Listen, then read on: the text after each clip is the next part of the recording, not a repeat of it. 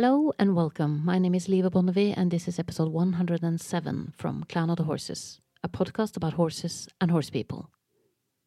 The first time I heard about today's guest was several years ago. And looking back, I remember reading about him before I heard about him from others. And when I heard about him from others, most of them pronounced his surname differently. And what happened next was something that has happened to me many times before. I take note that the trainer exists and if I don't have the time to investigate further at the time, I'll leave it at that. For now. Until the trainer surfaces again, either in my mind for some reason, in my social media feed, or through conversation with other riders. And then I'm apt to take a second look. But on rare occasions, someone I really respect insists that this is a trainer I must investigate further. And that is what happened here. So I did a bit of research, got very curious based on what I saw, and then I attended two clinics. And this interview is what grew out of it. When it comes to riding and spending time with horses, many of us have different styles. We wear different costumes, and we might have very different goals and ambitions. So when you look at the horse world as a whole, it can feel quite divided at times. And it's easy to forget that the root of our dream is shared by us all. The dream of being unified with a horse. One of the challenges with assessing different trainers and different kinds of horsework is that we often tend to say, thank you, but no thank you, if a trainer offers something that we do not recognize or feel familiarized with at first glance. In short, we often fail to look beyond what meets the eye. The embroidered shirt and the cowboy hat, the white riding breeches, the shining black riding boots, and the elegant jacket, or the woolen sweater jeans and the dirty boots, or in this case, the full plate armor accompanied by a sword and a lance. My guest today started his riding career as a part of a show team, recreating historical tournaments.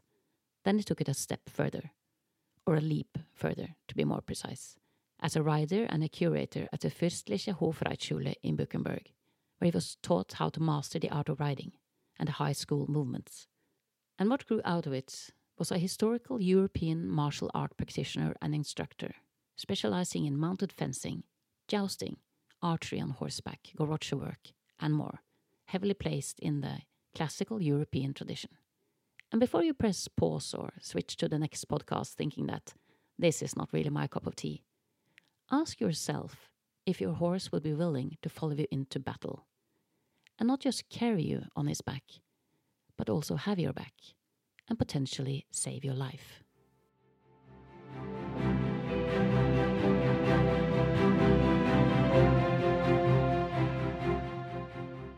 For example, your name Arne. is very Norwegian. Uh, yes, yes, it uh, comes from my Norwegian family that my parents called me after some far off uncle, I think. Okay. So, yeah. So Norwegian mother, A grandmother. grandmother. Yeah. Yeah. And but Dutch. I am originally myself Dutch, yes. Yeah. Right. So uh, and your surname you pronounce Koets. Koets It's a very boring name because it means carriage, carriage. like a horse carriage. yeah, but that's that could have been worse. I suppose it's completely coincidence because I think I'm the only one in the whole family that does anything with horses. So Arno, welcome to this uh, talk, Thank you. and thank you for a very another very interesting uh, weekend. I- I'm glad you liked it. I really did, and that's why we're having this talk actually, because I, I find your horse work very interesting. I always like to ask people how it started, hmm because um, we have a world full of opportunities, at least when we live in the Western world, and Mm. uh, there were so many things you could do. So, what made you start uh, training and riding horses?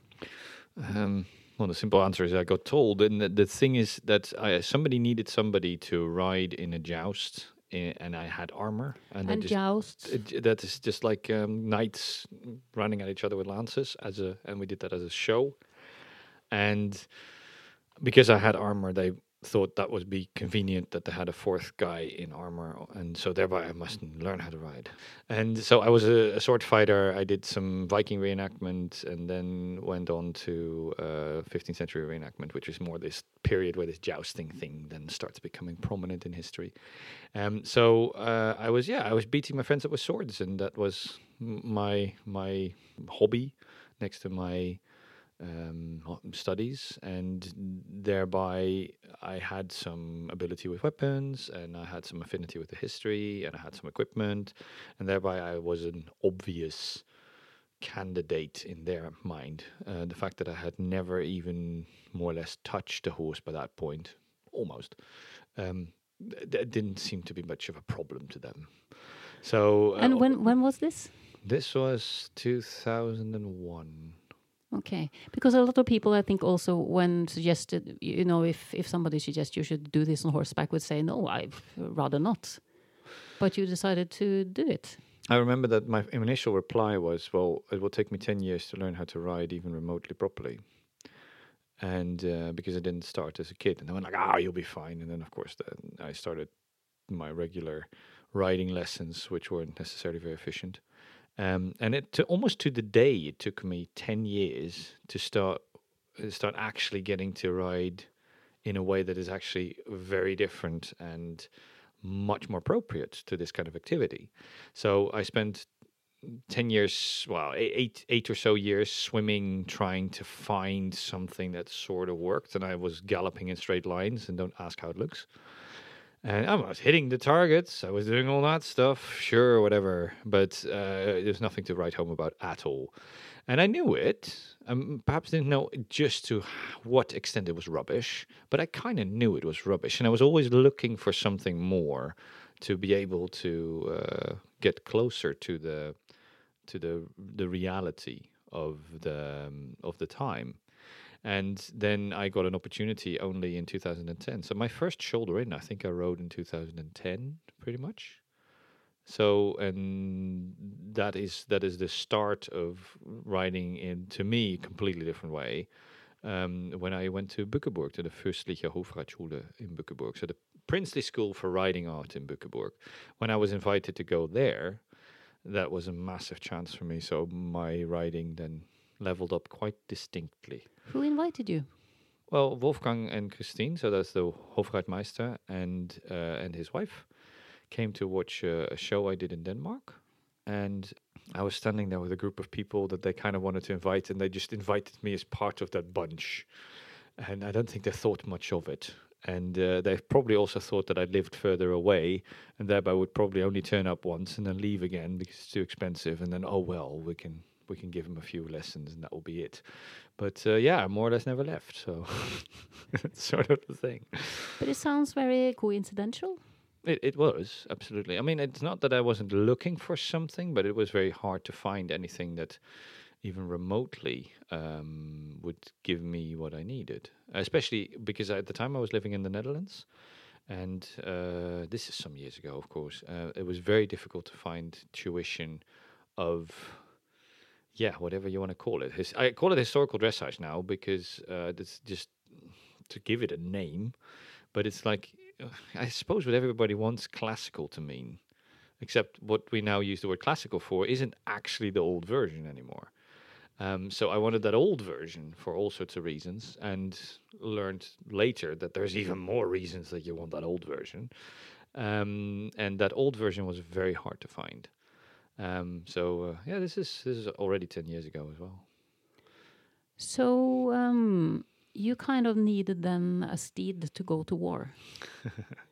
Yes, I, I needed I need the horses to go to war. Yeah, and I, and I, I when And I- when you're going to have a war horse, you also need to be able to ride it properly. Yes, and um, what makes a war horse a war horse, especially in this earlier style, when what I wanted to do is this hand-to-hand combat on horseback, lances, like we discussed before, but also sword fighting on horseback and all that kind of stuff. Um, that's martial arts, and martial arts you need to be very precise. If you just do your karate or whatever, you need to be very precise in controlling yourself. But once you do this on a horse, you need to control this horse in a very, very precise way. So they, they always talk about uh, timing and distance is the words that you get thrown after you in, in, in martial arts a lot.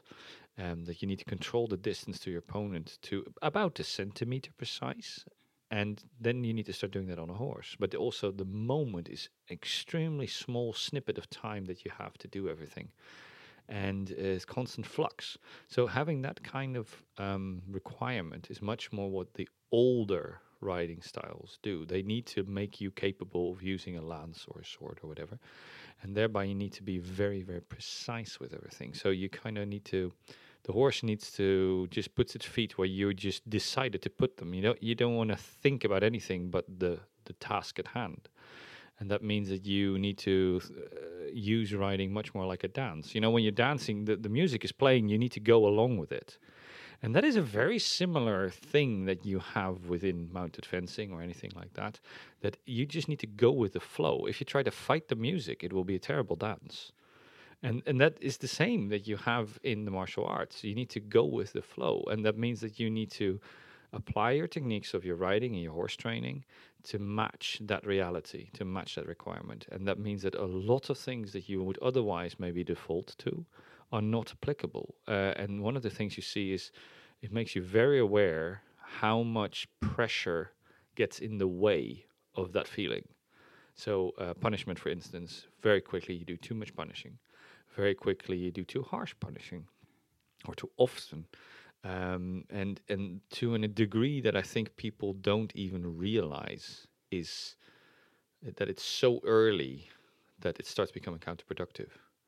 I think people want to reduce their punishment and the pressure for ethical reasons, but I don't think they realize how much there are practical reasons to punish yet less and um, this is i think you get a very different view of that in a practical sense when you start doing that kind of activity and how much you need to rely on your horse having your back and that you need to build that. So in order to get that sort of a yeah centaur feeling is this nice word that everybody likes but that feeling that that those feet of the horse are yours well, it's very similar when you dance. You you feel all four feet. You you're placing. You want to feel exactly how she has her weight on which corner of her stiletto. You should know that, and um, that level of of feeling and connection is very necessary. And thereby, you need to find a, a, a system that that allows you to dance with your horse like that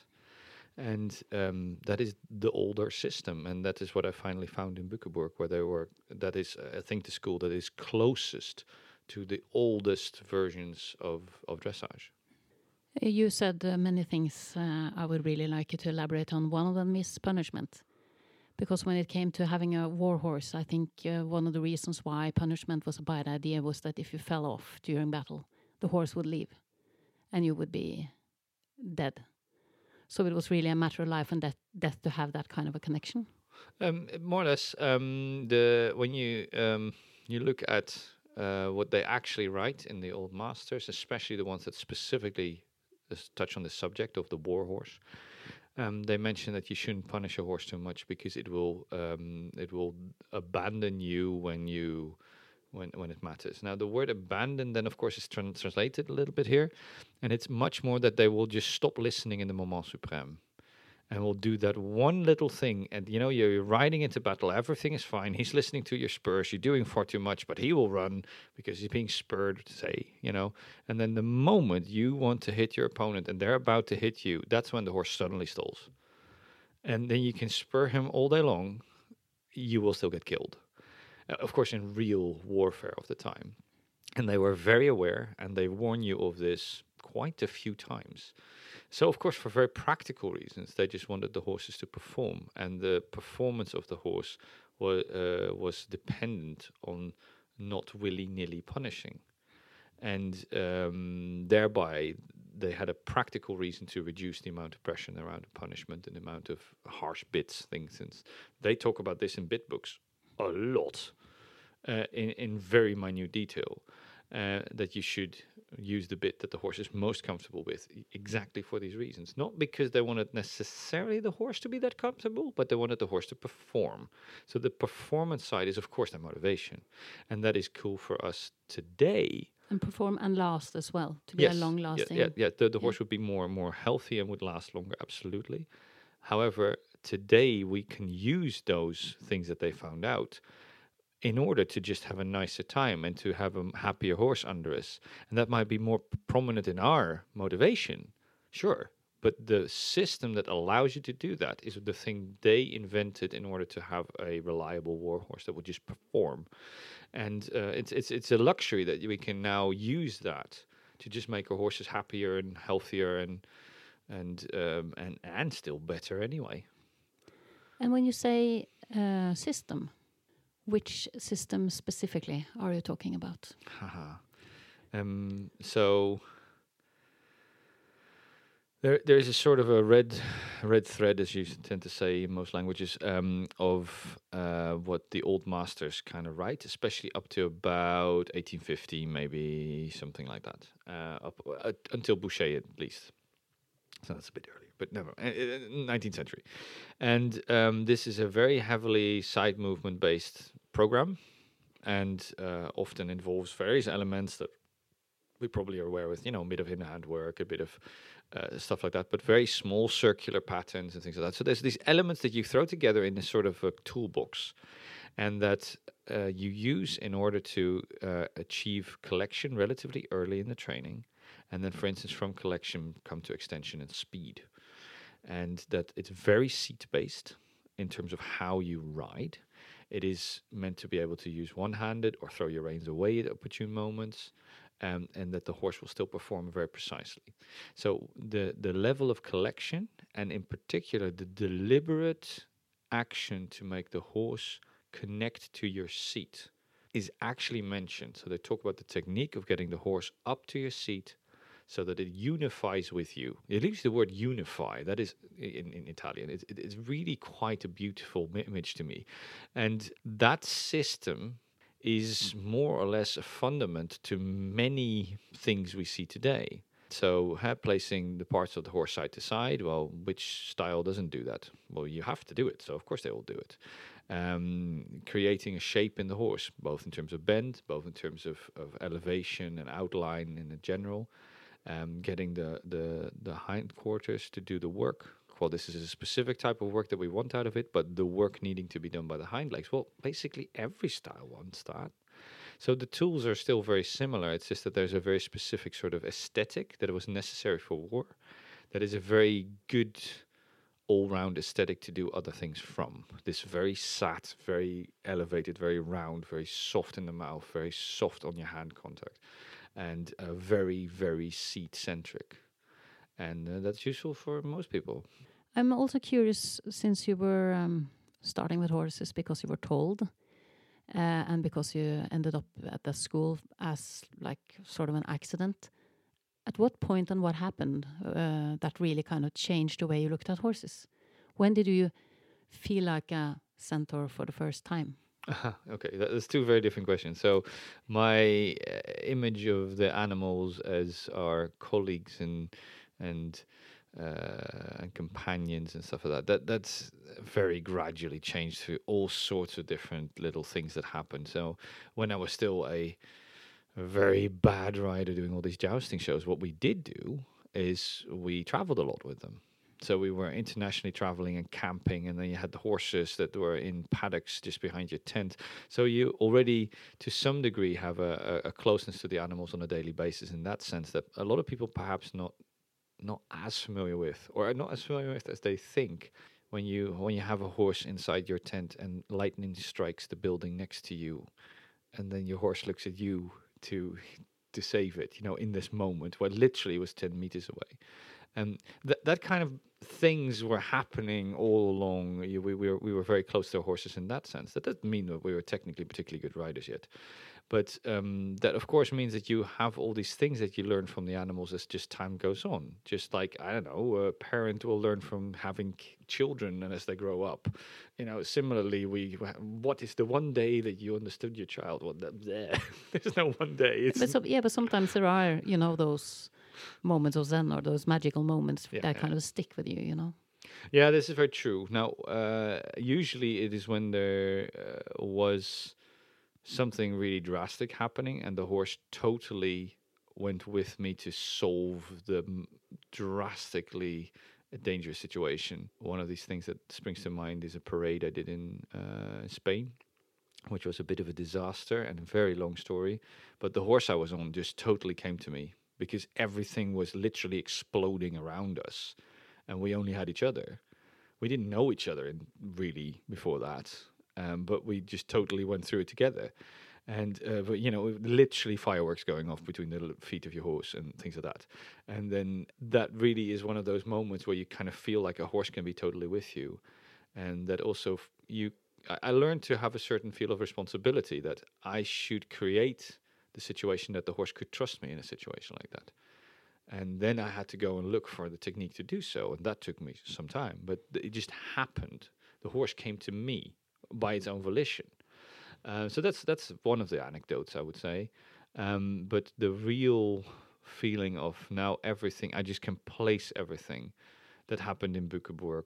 So I think my first canter pirouette probably is the one that springs to mind when I really stood, started, you know, placing each foot and knowing where the hoof is pointing. You know, where y- you have this 3D image, you know, in real time, like da da dum da da dum. I'm placing every foot there, and uh, yeah, not long after that, we did a pas de deux, and this, was a, a pas de deux which was based on a on a song that was popular in Germany at the time, and uh, one of the props was a, a cell phone, and my uh, my partner uh, in the in the dance. Uh, she was supposed to flick her cell phone shut with the, like the, the, the, the thing, the protector around it. And in, in doing so, the actual cell phone flicked out of this sh- uh, shielding thing and flew into the middle of the arena. But the music was playing, we were riding. So we had to do a canter pirouette with the two horses around this phone and not step on it. And uh, this is one of these things that we did that and then had it removed before the next uh, scene. But we, we wrote the whole pas de deux, but we had to adjust in the flow that we didn't actually trample the phone in the whole thing, make it look effortless. And then we, we were inches away, but deliberately could make sure that we didn't step on that phone uh, and without anybody noticing. And, and stuff like that that started happening within a few years all of a sudden after I got to Bückeburg. And so then you go from from having that feeling to teaching that feeling. Yes. So don't tell me that you were told to do so. Well, sort of, sort of. I was. again, I was. I was not really thinking I was anywhere in a position to teach writing. Now, this is partly because I was teaching martial arts from a relatively young age, and I was doing this um, this European sword fighting uh, in various uh, versions of that. I did that for for years, and I taught a lot of people together with my friends and um, so I was teaching movement, and and you you learn after a while that you kind of really need to know that movement rather well before you can teach it to somebody. And so when people started talking about, oh, wouldn't you be a writing teacher? You kind of go, oh. I don't even necessarily think I quite know the movements the way I would be expected to know the movements as a martial arts teacher. And then there's also the process of building one thing to another. Do I have an overview of how the whole process of the training of the horse goes to the end? Even if I haven't reached that yet, I need to know what the goal is. You know, there's many roads that lead to Rome, but when you reach one of those roads, are you going to go the right direction? You still want to know where Rome is. And uh, you could go on the, the correct road in the wrong direction. It's very doable. I, I didn't feel that I had that overview at all when I was quite forcibly made to teach. And uh, then it turned out that I could give more answers than I thought. And uh, it was round about the same time that I finally got to the point that I taught, taught my first horse to piaffe and things like that. So I was starting to get a few little badges of honor, if you will, or things that people get hung up on, and I was hung up on. Uh, you know, you tick some boxes, but it does give you some overview of where one thing leads to another, and that developed as I started teaching. What I find interesting when I watch you teach is, which is something that really is like an acid test for me when it comes to teachers. Um, you teach the novice and the very experienced rider the same way.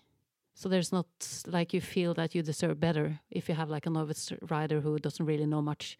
You just give give them your all, which I think is is what uh, what a really good teacher does.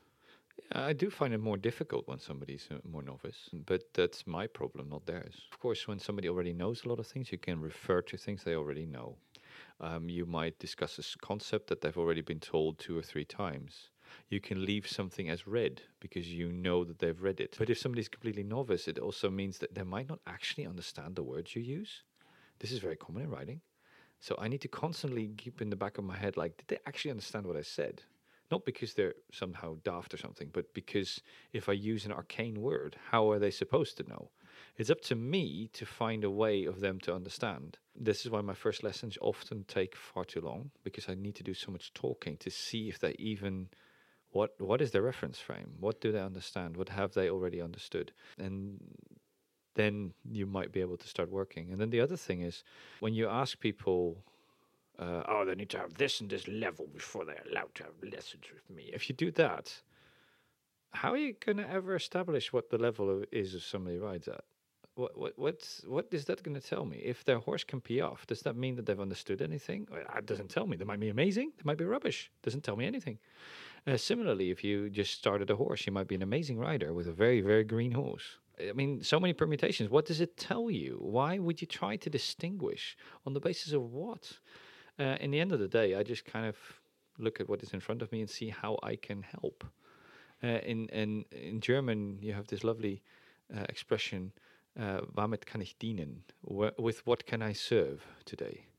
And I, I, think that's a very important thing to to ask yourself in life in general. It's just like you do nothing ever by yourself. You're always in in some sort of cooperation with somebody, whether you like it or not. So you better be servile because that is better for everybody, including yourself. Does that uh, mentality comes, you think, from the stuff you've done with martial arts? It it sounds really obvious that it would, but it probably is not so much that.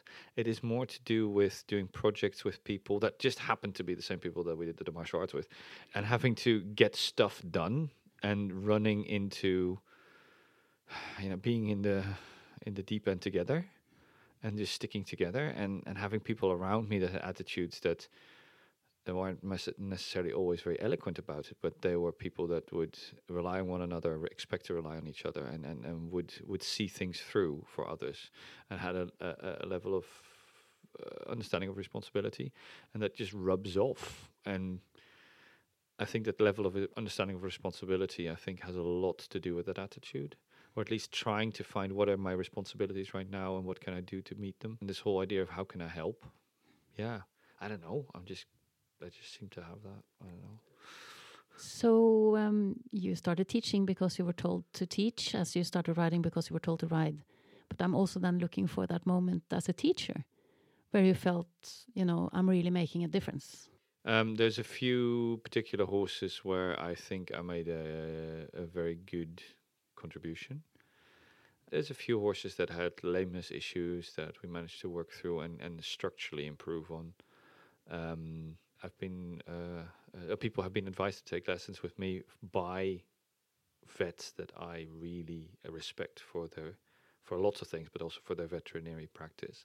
And um, as part of the revalidation program from that horse, they just sent me sent me this person, go like, you need to teach this person because that horse needs you.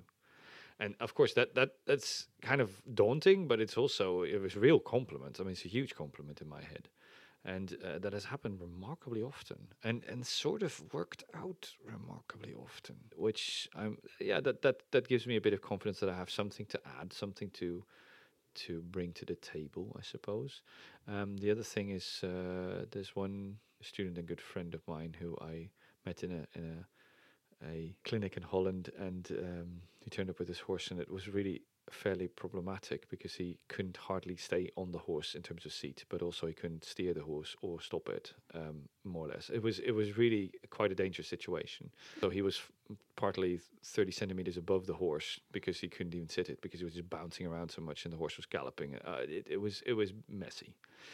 And he then asked if he could come to my house, and he was at my place for about I think three months at first session and we completely rebuilt his seat. And now he teaches in the Netherlands, and he taught his own horse uh, high school movements and things like that.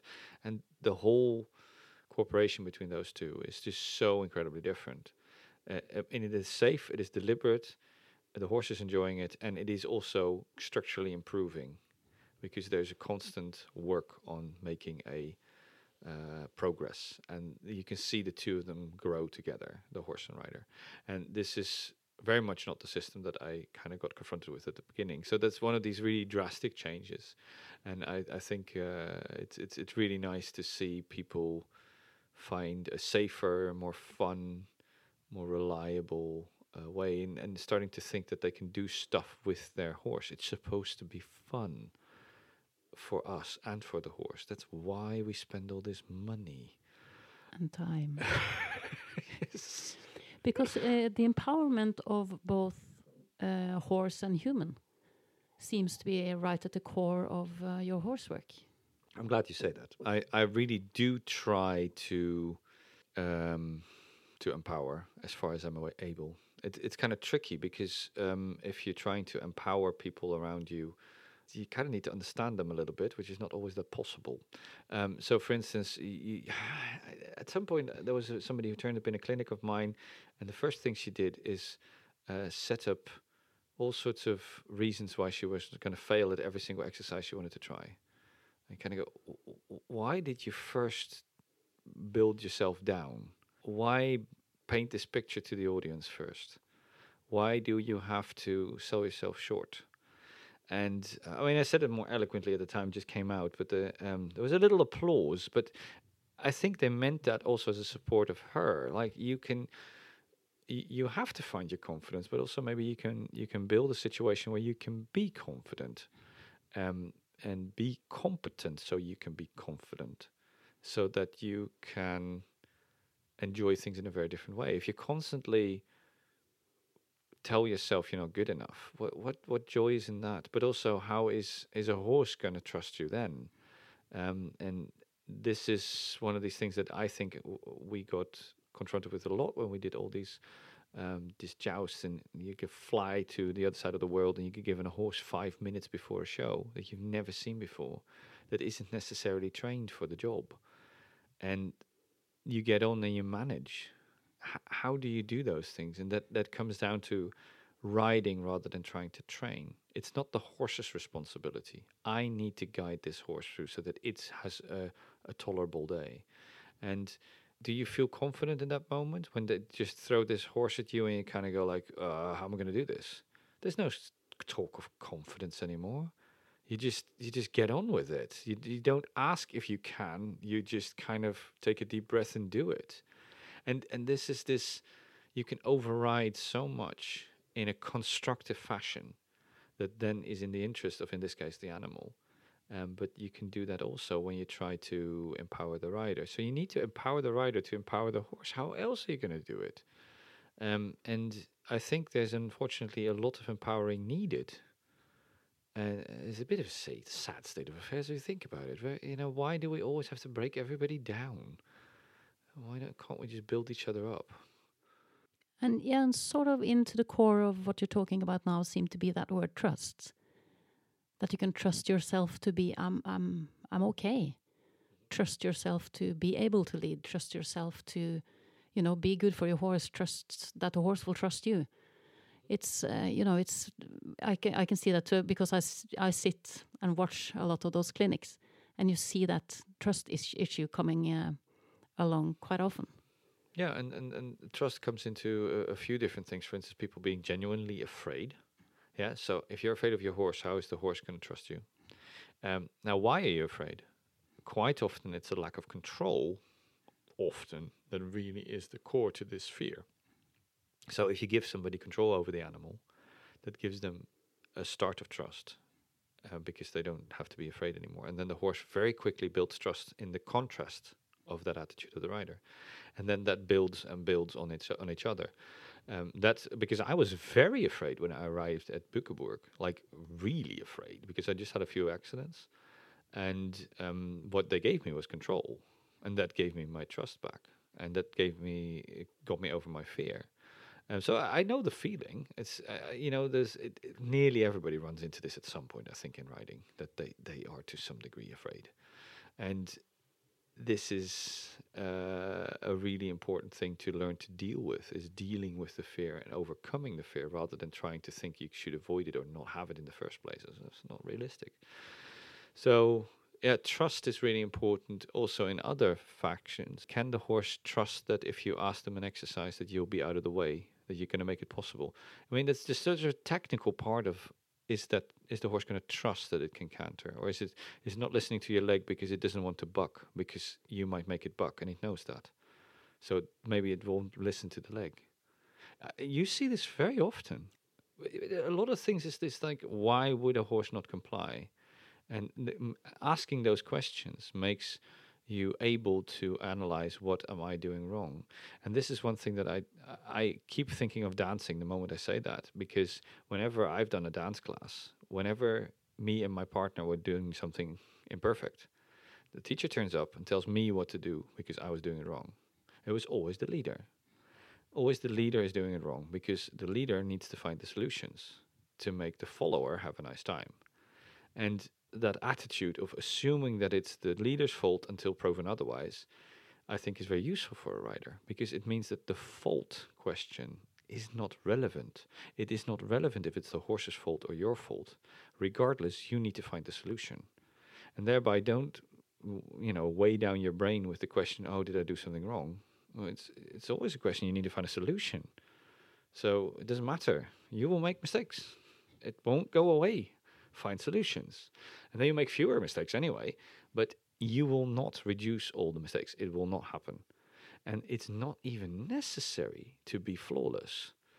And that's useful. That's useful to know because you won't be flawless. And uh, this is one of these things that we see very commonly these days is this whole concept of correct. And if you kind of start asking what is a correct piaffe and you have a discussion on the internet, you'll find that it needs to be a flawless piaffe before it to count as correct in everybody's book. It needs to be the perfect piaffe. And otherwise it's not correct.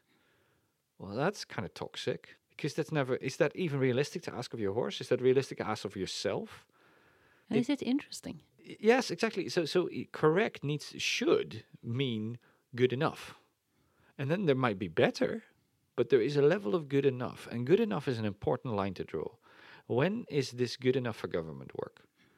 And that line is muddled a lot in modern um, modern discussions, and that makes people, I think, very insecure, and thereby not even a- anywhere remotely reach that line because they kind of hold themselves back, and that's not in the interest of the horses. No, because that's when the heart and fun and joy is taken out of the riding. I remember I sat on the clinic once, and there was a horse that was going to perform the first flying change, uh, and it did.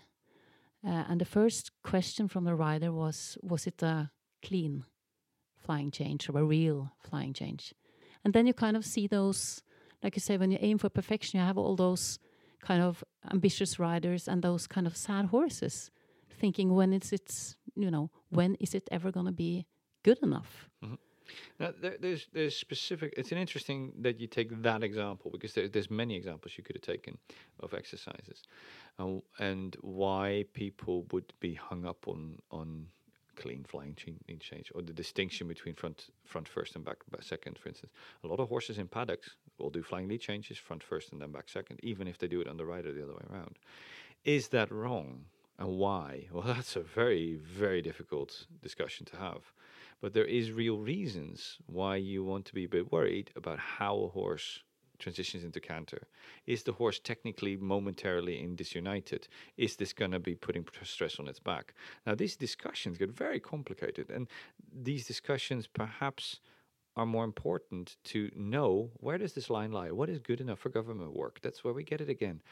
Is it okay to have a front to back canter transition, uh, flying lead change?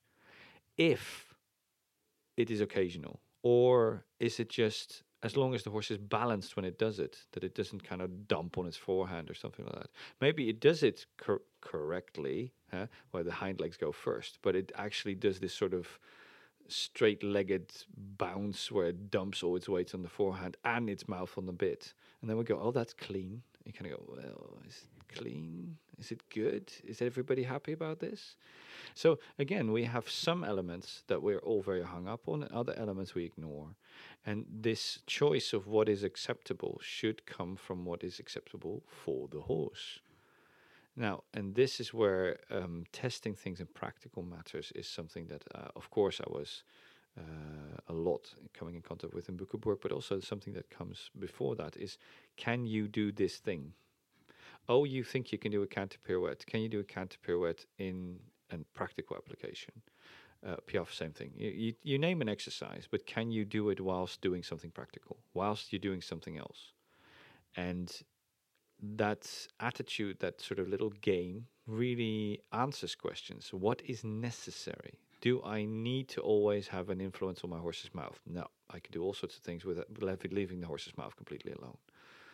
Uh, that's not necessary for the exercise. Is it necessary for me to move my seat so the horse can move its back so it can do the exercise whilst I do something else? Yes, that is necessary. If I'm in the way, the horse is unable to do what I will ask it to do. So it, it comes down to what is the fundamental necessity rather than what is convenient for you to make the horse. Yeah, you need to make that distinction, and that helps you make the priority list of what a rider really ought to do and what a rider can well for for later reference. Why do you pick one or the other? And i try to argument this in the clinics as well like why i well i saw this was a bit imperfect. However i think that's okay because it's going to be okay in three days. I try to say that explicitly so that people um, can can kind of prioritize, but people can progress and eventually get to the place where they want to be. What my issue was with that specific um, flying change was that the effort from the horse was not being praised. so we can have all the debates we want about yeah. front and back and what first and what yeah. not, but the horse did it uh -huh. to the best of his abilities and the question was, was he clean or not? Not that he actually did it. I, I, oh, I, I would agree. I just, yeah, I just, yeah, sorry. Now I just thought it was really sad to see the girl on the horse doing this for the first time, and there was just no joy or no real praise in it. It was just mm -hmm. a matter of, on a scale from one to ten, what was it? And to me, that's kind of, yeah, you can have that discussion afterwards and you can work towards something mm. else, but please also treasure the moment where the horse is giving you his best or her best. I was really happy at one point to see in a lesson I did not that long ago where somebody was in the process of something complicated. I don't remember what it was, but it was a specific exercise. And they did something. And as they were doing the attempt, I kind of explained in a sentence why they were doing something wrong and the horse was following them their initial reaction in the horse doing the exercise wrong was to praise the horse that it did it wrong as it was told. And I was really happy to see that because the rider went like, ah, hmm, for future reference, I should do that differently next time. But the horse did as it was told, just as wrong as I told it to be. And uh, I think this was a, a cant. They just wanted to try to get a right lead canter. The horse gave a left lead canter because that what he actually allowed the horse to do. So the horse was technically doing the quote unquote wrong thing, not what the assignment was, yet followed the rider. And the rider ad- admitted to the horse in its praise that the horse had done its best. Um, so yeah, that's that's kind of the polar opposite, if you will, of what you describe. And yeah, if I were a spectator, then I would be more happy and and liked what I saw. Uh, it sounds really nice, doesn't it? And it's important to uh, to um, make sure that the horse doesn't get confused. Yeah, for sure. Yeah? It's that, a balance. That that's really important yeah. because the horse could get confused with incorrect praise. In this particular case, wasn't a problem of my example, but um, uh, the. Um, this brings us over to uh, awarding the try. Yes.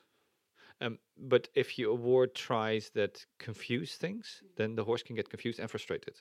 So it's your responsibility to know when this is empowering to the horse. Yeah, praise is there for the horse, not to make you feel better, yeah, or make the audience think you're nicer. No, it's there for the horse. Yeah, and uh, that means it's a communication tool to some degree, and it's it's a, a, a, memory like press save you know? It's like okay remember this one. This is the one i meant. Sometimes you need to leave something uncommented even though the horse is really trying just to make it clear what you were asking for uh, even though the horse did something really cool. Sometimes just having a little giggle in the back of your your, stomach is kind of already too much and it confuses the matter. Um, so there is a caution to be had. Praise needs to be targeted uh, for the sake of the horse. Absolutely. There is uh, there are so many things I could talk to you about, you know, based on what I've read you've uh, written and uh, what I've seen through the theory ses sessions and also the teaching.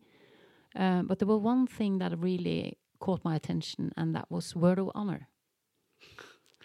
That's an old phrase. Yeah, but I um, I've just never heard it used that way before. Oh, it's it's again, it's something I was taught. So literally, and of course, it comes out of an old manuscript, but uh, it's something that uh, my riding master said almost on a daily, daily basis. You need to give the reins on word of honor. So you give first, and uh, it is very short space of time ahead of time, but it's ahead of time. So when you feel the horse already reacting to your seat and from your leg, you feel this surge of the motion coming. You already give to a very specific motion that the horse's mouth will do as a result of this motion. So you bring the, the bit to the end of the exercise, and then the the horse will find a given hand at the end in his mouth because it's it's it is moved to your hand. It follows the hand. I mean, we've heard that a thousand times before, but what does that mean? Let's see that through in every single situation. It's not just for forward down; it's for everything, and thereby word of honor is really important. And um, if you don't give open the door to the movement, the horse will never comply, and it will become very uh, hard on the on the uh, aids very very quickly. Um, for instance, if you ride with a saber on your belt that's clanging around on the side of the horse, the horse needs to get used to that. That it doesn't just walk away from this all the time. Is that a crop tapping it, or is it a sword? It usually takes like three to ten strides for the horse to have understood that this means nothing. So if I do that kind of stuff with my spurs, well, that's pointless. It, it, they are that quick to understand, which is really quite amazing. And um, it's so easy to confuse the matter, to, to muddle and numb your inputs because you're not doing it on word of honor. And, and this comes into the whole concept of sainte de main, descente jambe. All those concepts are, are i- And in English, that would be uh, de main is the giving of the hand, the, the lowering of your hand. So it's it's giving the rein basically. And descente de jambe is more the, the the French concept of also yielding your leg, where you hey you touch and then you relax your leg again, so that you're not just constantly squeezing because that's pointless. So you, you're using individual signals rather, and then they they, they relax and and sl- yeah yeah like slump your leg if you will. That's why it's lowering head descent, um, and um, making making a, a give of your leg aid a- as well as your hand aid exactly in the rhythm. Um, those things all come down from uh, the the word of honor that the horse will will do it for you. So you you you leave them to it basically. because that's also one of the things that you kind of figure out when you watch people riding in clinics like yours that the horse really wants to do what you want to do uh, as long as he actually understands what it is Yes, and and funnily enough, um, I, I work. I try to really engage that that the horse becomes interested in doing the work, and and and willing. Yeah, that's something that we we very actively pursued in Bückeburg. That was uh, again seen as a core thing for uh, applied riding art. Doing anything fun with your horse, that the horse wants to do it with you. So we we actively worked for that, and we had uh, behavioral techniques to make that happen and things like that. But the funny thing is that I don't necessarily even get to talk about that many of those techniques that I was taught in Bückeburg and that they use so because I mostly dance with the horses. I try to use that technique, which is where the horse is just reflexing and reacting to the rider, and then in hindsight go, "Oh, that was nice." And then you try to repeat that so often that the horse is just kind of going, Well, this is fun. I don't know what it is, but it's fun. And then they only understand afterwards. And so there's two very different ways. Does the horse understand what it's about to do and then execute? Uh, that's behavioral, like a dog learns. Or you can dance it where you might not have ever danced that figure, but if the leader is good, you just found yourself doing it and you just enjoyed it and felt effortless and it was amazing. That's when you're leading the dance. And then you can in hindsight remember oh that was a nice figure i need to remember that one. And then maybe even use that later on uh, from what you've learned from there. So you can kind of learn in hindsight in that sense. So i, I end up in that second version much more uh, whereas the behavioral stuff to make the horse interested and you know just simply pressure and release and things like that uh, uh, oh if i do this i get a cookie. of course it can be motivated. It can be that dumb, if that makes sense, but it is useful. And then on the other hand, you can have the horse appreciate the work itself because it understands that it's good for it. That's when you're doing a, a good performance. Because if you compare it to dance, when you are with, if you are a follower, then uh, like a woman usually would be, and the guy is leading, if he's a really good leader, uh, you will feel really energized and empowered by the dance. And if it isn't, then then you can kind of complete the dance, but it doesn't really give you anything. Quite. So that would be, in my opinion, then the same with horses. I think horses are very good followers. They're very good dancers, also uh, on distance. Um, so uh, horses spend their their day in the paddock dancing with other horses as their main form of communication. So they are very tuned into all of this. Um, so if you dance a little as a leader, then horses are very quick to to to go like, oh yeah, I'm interested in that. Sure, finally somebody's talking to me. Um, and this can be done from the saddle, can be done in hand, can be done in freedom. Um, and this following and leading is interesting in many ways because, like you said, this this empowerment. The funny thing is that if you uh, traditionally learn tango, uh, Argentinian tango, uh, men often learn from men, and then you have these sessions where you just dance with this bloke, and you don't say a word. You're just dancing for three quarters of an hour, and the the lead is given back and forth. Nothing nothing seems to change, but the, the, just an example is given, and then you try it, and then lead me to do the same. And they don't have to say a word. You just you know there is no one leader, and it doesn't have to be one leader. You can kind of do it on comité in that sense as well. You can do it together. And there's a moment when I was doing a a big show with my my own horse, and I was uh, doing this really confused fight with clubs everywhere was moving, and um, and I was doing this engagement with this one opponent, and somebody came from behind. And I couldn't see because of my helmet, but my horse could see, and my horse did this little sort of over overstellung, and kind of went, "He's behind you," and then we could do this 360 pirouette deal with the threat, come back to what I was doing. And we just did this together because my my horse gave a suggestion. My horse showed me what he could see, what I could not. And then who's leading? Well, you don't need to know. You can you can lead each other. There doesn't have to be a dominant hierarchy at all. It's not necessary. There's not the point of leading. The point of leading is getting solutions together. Ah, this is music in my ears. I've had this discussion with so many people and with dominance, and it's just so hard to accept that it's so widespread that you need punishment and dominance to make things happen with horses. Uh, and I think uh, one of these things is that dominance in horse herds is widely misreported. Yeah, it's very fluid, and uh, depending on the the task at hand to the herd, different uh, horses take the lead or take the start determining. Let's just put it that way. And some horses are really good leaders, and some worse. You know, within horses, there's variance as well. And and it's this, whole concept of what is leading is not not being the boss. It is being the servant. And the leader is the servant to the follower. Uh, my job in a in a in the milonga is to make her feel good. That is my job and I might enjoy making her feel good, but that's secondary. And it, it, again, it's it's it's like the word minister. You know, it means servant. yes, they need to determine stuff, and they can get only things wrong. However, they're a servant in essence, and that that is that is one of these things that you need to kind of uh, think of as a rider. I think a lot.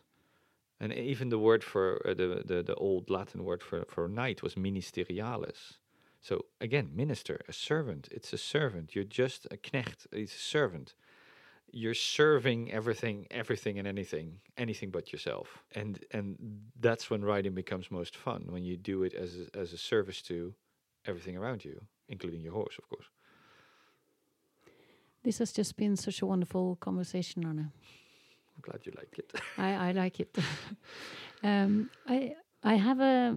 It feels like we can talk for hours, and uh, I feel I really would like to invite you back because there are some topics we have touched on here that I think is a, a new episode. To be honest, So, um, but I would like to ask you my signature question, although I think that you have kind of uh, answered many of my most important questions, and that is what have you learned through your journey with horses that you think is vital or very important that everybody who deals with horses, horses should know?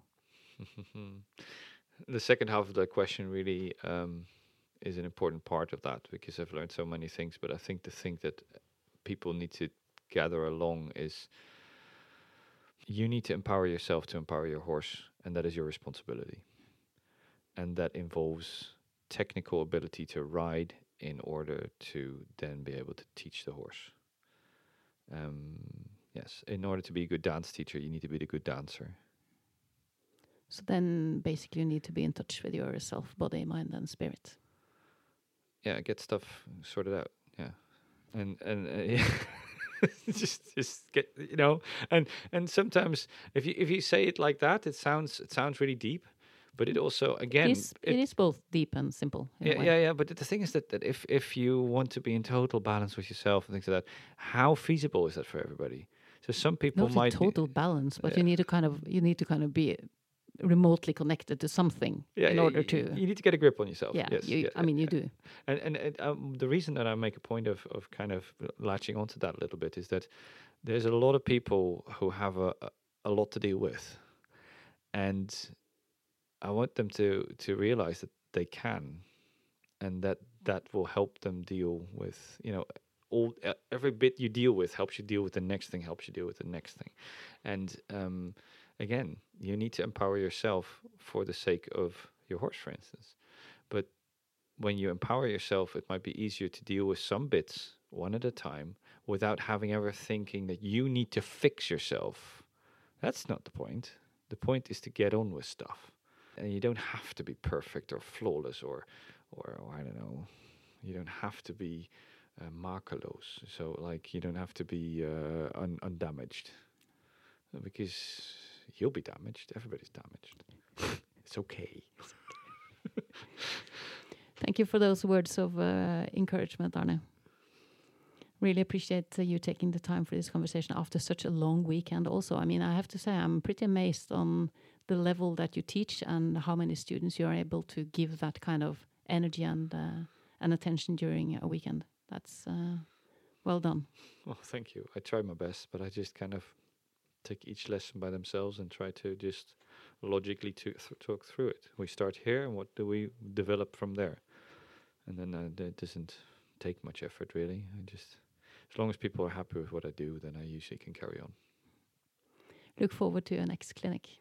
Thank you. And take care. take care yourself. You have just heard episode 107 from Clan of the Horses, a podcast about horses and horse people feel free to check out my website, clanofthehorses.com, where you can read more about my podcast, find relevant videos and links, and also connect to my Facebook community. New episodes air the first Monday of the month. But if you speak Norwegian, you will find more than 100 episodes on my original podcast, Hestenes Klan, the largest podcast about horses in Norway, where I publish new episodes every Monday. I want to thank my composer Fredrik Blom, my guest Arne Koets, and last but not least, I want to thank you, dear listener, for your patience. May the horse be forever with you.